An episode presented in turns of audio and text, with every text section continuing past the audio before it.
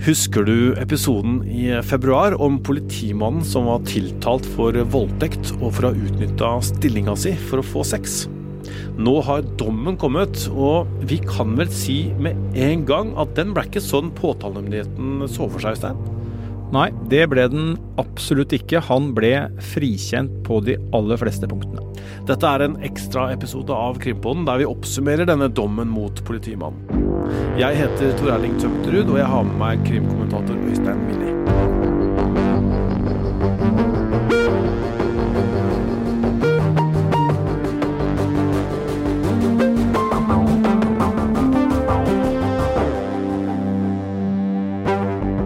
Det er jo sånn at hvis vi har en episode om at noen er sikta eller tiltalt, sånn at de må møte i retten, så er det god presseskikk også å omtale denne dommen, Øystein.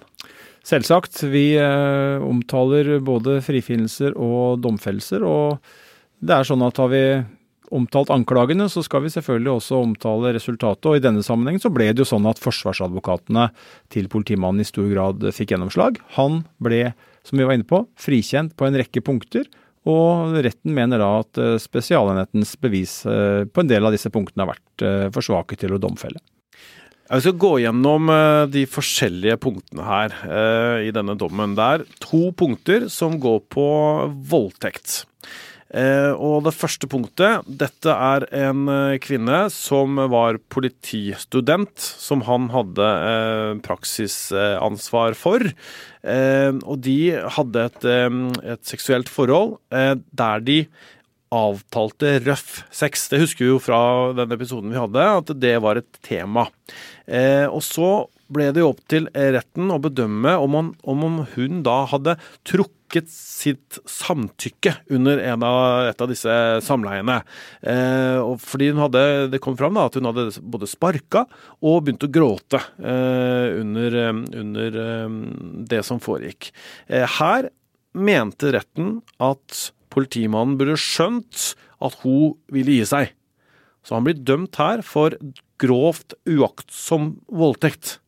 Ikke forsettlig voldtekt, sånn at, altså at han, hadde et forsett av at han ville voldta henne, men at han burde skjønt at han burde gitt seg.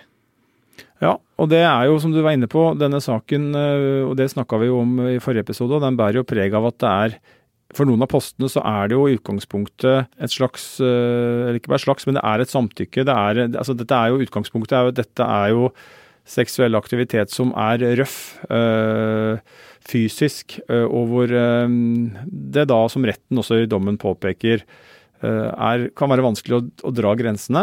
Og, og, som du sier, så har da retten kommet til i denne, denne kvinnen og denne, denne postens vedkommende at han eh, burde, forskjønt, burde, forstått at hun da trakk samtykke underveis eh, på måten hun oppførte seg på, til tross for at det da var enighet, sånn som man oppfatter det på forhånd, om at man skulle ha denne type seksuell omgang. Og Så er det da punkt nummer to. Der er det også en kvinne hvor han har avtalt røff sex. her er det også et slag mot ansiktet som er, som er et tema i dommen. Men her kom retten til at kravene til bevisene ikke var oppfylt. Ergo så blir han frikjent for denne posten. Ja, og det er jo, som vi har vært inne på mange ganger i Krimpodden, og som vi sikkert kommer til å komme tilbake igjen mange ganger, så er det jo sånn at beviskravet i norsk rett er høyt, og skal være høyt. Og det betyr jo at man skal være helt sikker bortimot for å dømme noen. Og så er det med disse typer saker eh, hvor det er eh, ord mot ord, eh, hvor handlingen ligger en god tid tilbake, og hvor det ikke finnes noen, kall det, objektive bevis. Eh, som det gjør i andre straffbare forhold. Det er ikke noe fingeravtrykk, noen DNA-profil, det er ikke noen vitner. Altså det er ikke noe videoovervåkning eller noe som helst. Det er situasjoner hvor det er to personer involvert, og hvor det er ord mot ord. Og da eh, ser vi jo gang etter gang at det er krevende, og at det kan ende både med domfellelser og frifinnelser i den type problemstillinger. Mm. Altså jeg oppfatter jo at dommerne har jo vært eh, drøftende og i tvil hele veien på nesten på veldig mange av punktene her. Og her påpeker man jo det at det ikke er avtalt et kodeord da, som gjør at man eh, ikke helt klarer å på en måte syns det er vanskelig å slå fast om det, om, om det var et avbrudd eller et ikke et avbrudd. Og at hvis de hadde avtatt et kodeord, så var begge parter innforstått at nå var det stopp? Ja, det er det jo. ikke sant, og nå sånn Generelt sett da, i denne type seksuelle handlinger, så er vel dette med å på en måte, har jeg forstått, rollespill og at, at man kanskje sier ting og uttaler ting som man egentlig ikke mener, og som i en annen kontekst, dersom du mente det ville vært ganske tydelig språk. Men så er jo spørsmålet hva, hva er på en måte en del av det, si, det, det, spillet her, og hva er ikke det? Det er jo en del av problemstillingen som, som retten har vært nødt til å ta, ta og finne ut av i, i, en såpass eh, spesiell, vil jeg si, og komplisert eh, sak som dette er. Så han blir altså dømt for et av punktene og frikjent for det andre. Og så er det disse punktene han var tiltalt for å ha utnytta stillinga si til å få sex med flere kvinner. Og da er eh, det en kvinne først her som kom i kontakt med ham fordi hun skulle anmelde et bedrageri, og hun kom i kontakt med ham i forbindelse med et overfall mot henne. Eh, de innleda et eh, seksuelt forhold, og summa summarum da så mente retten at her var det en utnyttelse av stillingen for å oppnå sex med henne. Ja, det slo retten fast, og, og da ble jo da det et av de forholdene som politimannen eh, til slutt uh, fikk en uh, straff for, som vi da skal komme tilbake igjen til etter hvert. Fordi neste kvinne, det er den samme politistudenten som politimannen var studieveileder for. hun hadde praksis på politistasjonen der, og de innleda da et seksuelt forhold. Og hun beskrev i retten for at hun var redd for at det skulle gå utover praksisen sin hvis hun da ikke føya seg eller sa at hun ikke ville dette. Men retten mente at dette ikke var utnyttelse av stillingen. fordi da de så på bevisene, så var det ikke nok å si da at eh, det var han som utnytta henne eh, gjennom å være på en måte studieveilederen hennes. Ja, Det er vel en vurdering av uh, maktforholdet som jo retten må gjøre da. Da har du en studie, studentveileder som jo er en utdanna politimann og en politiskolestudent. Og så må retten da finne ut av, og har da landa på, som du sier, Tor at her var ikke bevisene eh, Her var retten uenig med Spesialenheten. Spesialenheten mente det var bevist godt nok at det var en utnyttelse av stilling, mens retten da mener at eh, bevisene er eh, for svake. Så går ikke vi inn på, på måte, hvert bevis og sånne ting her. Vi på en måte er, må holde på en litt sånn oppsummerende nivå. Fordi neste kvinne, det, det var da en kvinne som kom i kontakt med politimannen gjennom et narkotikamiljø. Han var jo mye i narkotikamiljøet fordi han etterforska saker der. de også hadde Eh, røff sex, men retten kom til at kravene for å bevise at han misbrukte stillinga si for å oppnå dette, ikke var oppfylt. Eh, og det samme er i da neste kvinne. De hadde også sex, men det var ikke bevist at det var en utnyttelse av stillingen. Og så kommer vi til en kvinne som også er i rusmiljøet.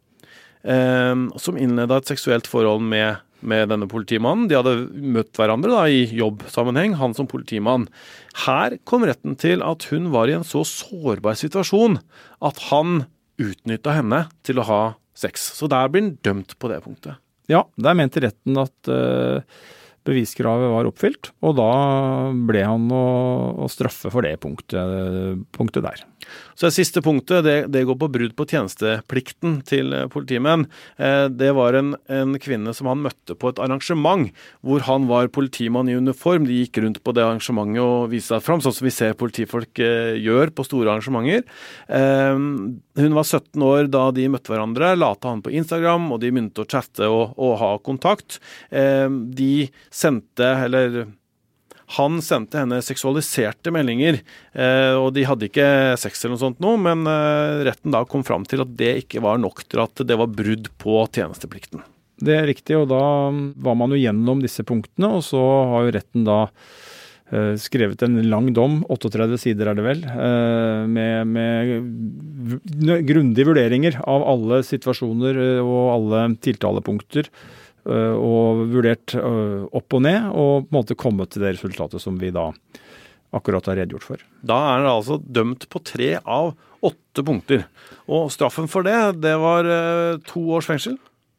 Ja, det var det. Påstanden var jo ni år. Sånn at Spesialenheten har jo på ingen måte fått gjennomslag for sitt syn her. Og det er jo Eh, litt spesielt. Eh, det, ikke, det, forekommer jo, men eh, vi ser oftere at påtalemyndigheten får, om ikke fullt gjennomslag, så i hvert fall at avgjørelsene ligger tett opp mot, tettere opp mot påstanden. Men forsvareren er jo, til, til politimannen er, jo, er, jo, fornøyd. Nå um, kom dommen på fredag, og advokat Heidi Reisvang, som er en av advokatene til politimannen, uttalte til TV 2 at de var fornøyd med frifinnelsene, og at han jo i det store og det hele er hørt. Og så er de selvfølgelig ikke så fornøyd med at han da ble dømt, for han nekta jo straffskyld for alle punkter.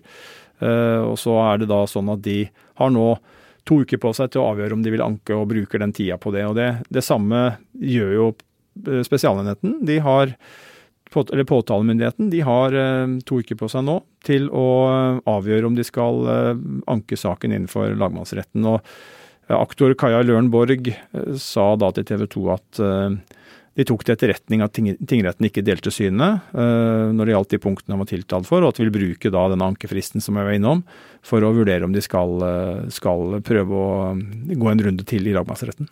Så jeg legger til at han ble også dømt da til å betale erstatning til uh, de tre kvinnene som er i de punktene han ble dømt for, rundt 100 000 kroner hver.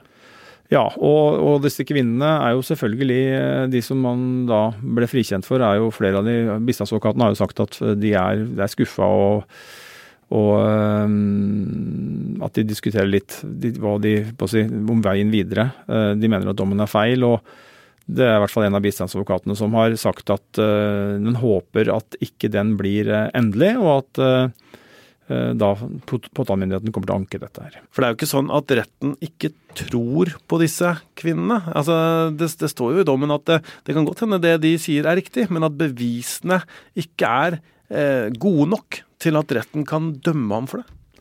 Ja, og det er jo kjernen av den saken her. Det er jo at det er eh, påstand mot påstand. Eh, og det er brukt eh, noen, noen, kvinner har jo endra forklaring underveis. Eh, Eh, det har vært en ganske ja, I noen av sakene, tilfellene så har det vært eh, mye tekstmeldinger og chattelogger osv. som man har kunnet støtte seg på, hvor nok retten har eh, sett at bildet er uklart, og at det er vanskelig å være sikker nok, og at det blir en del tvilstilfeller her.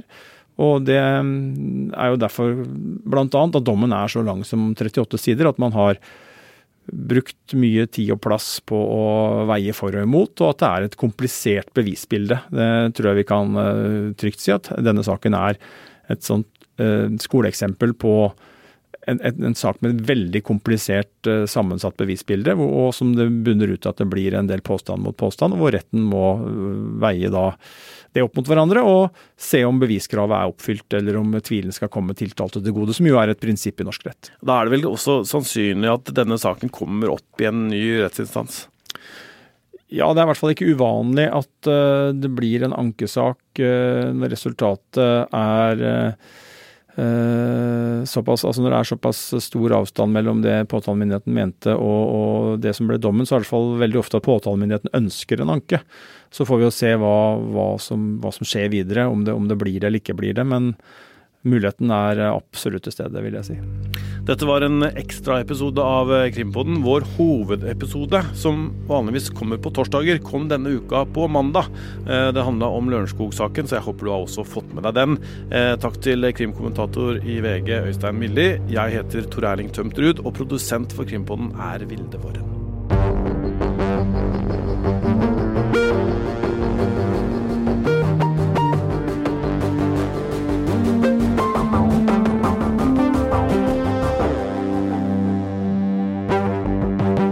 Har hørt en podkast fra VG. Ansvarlig redaktør, Gard Steiro.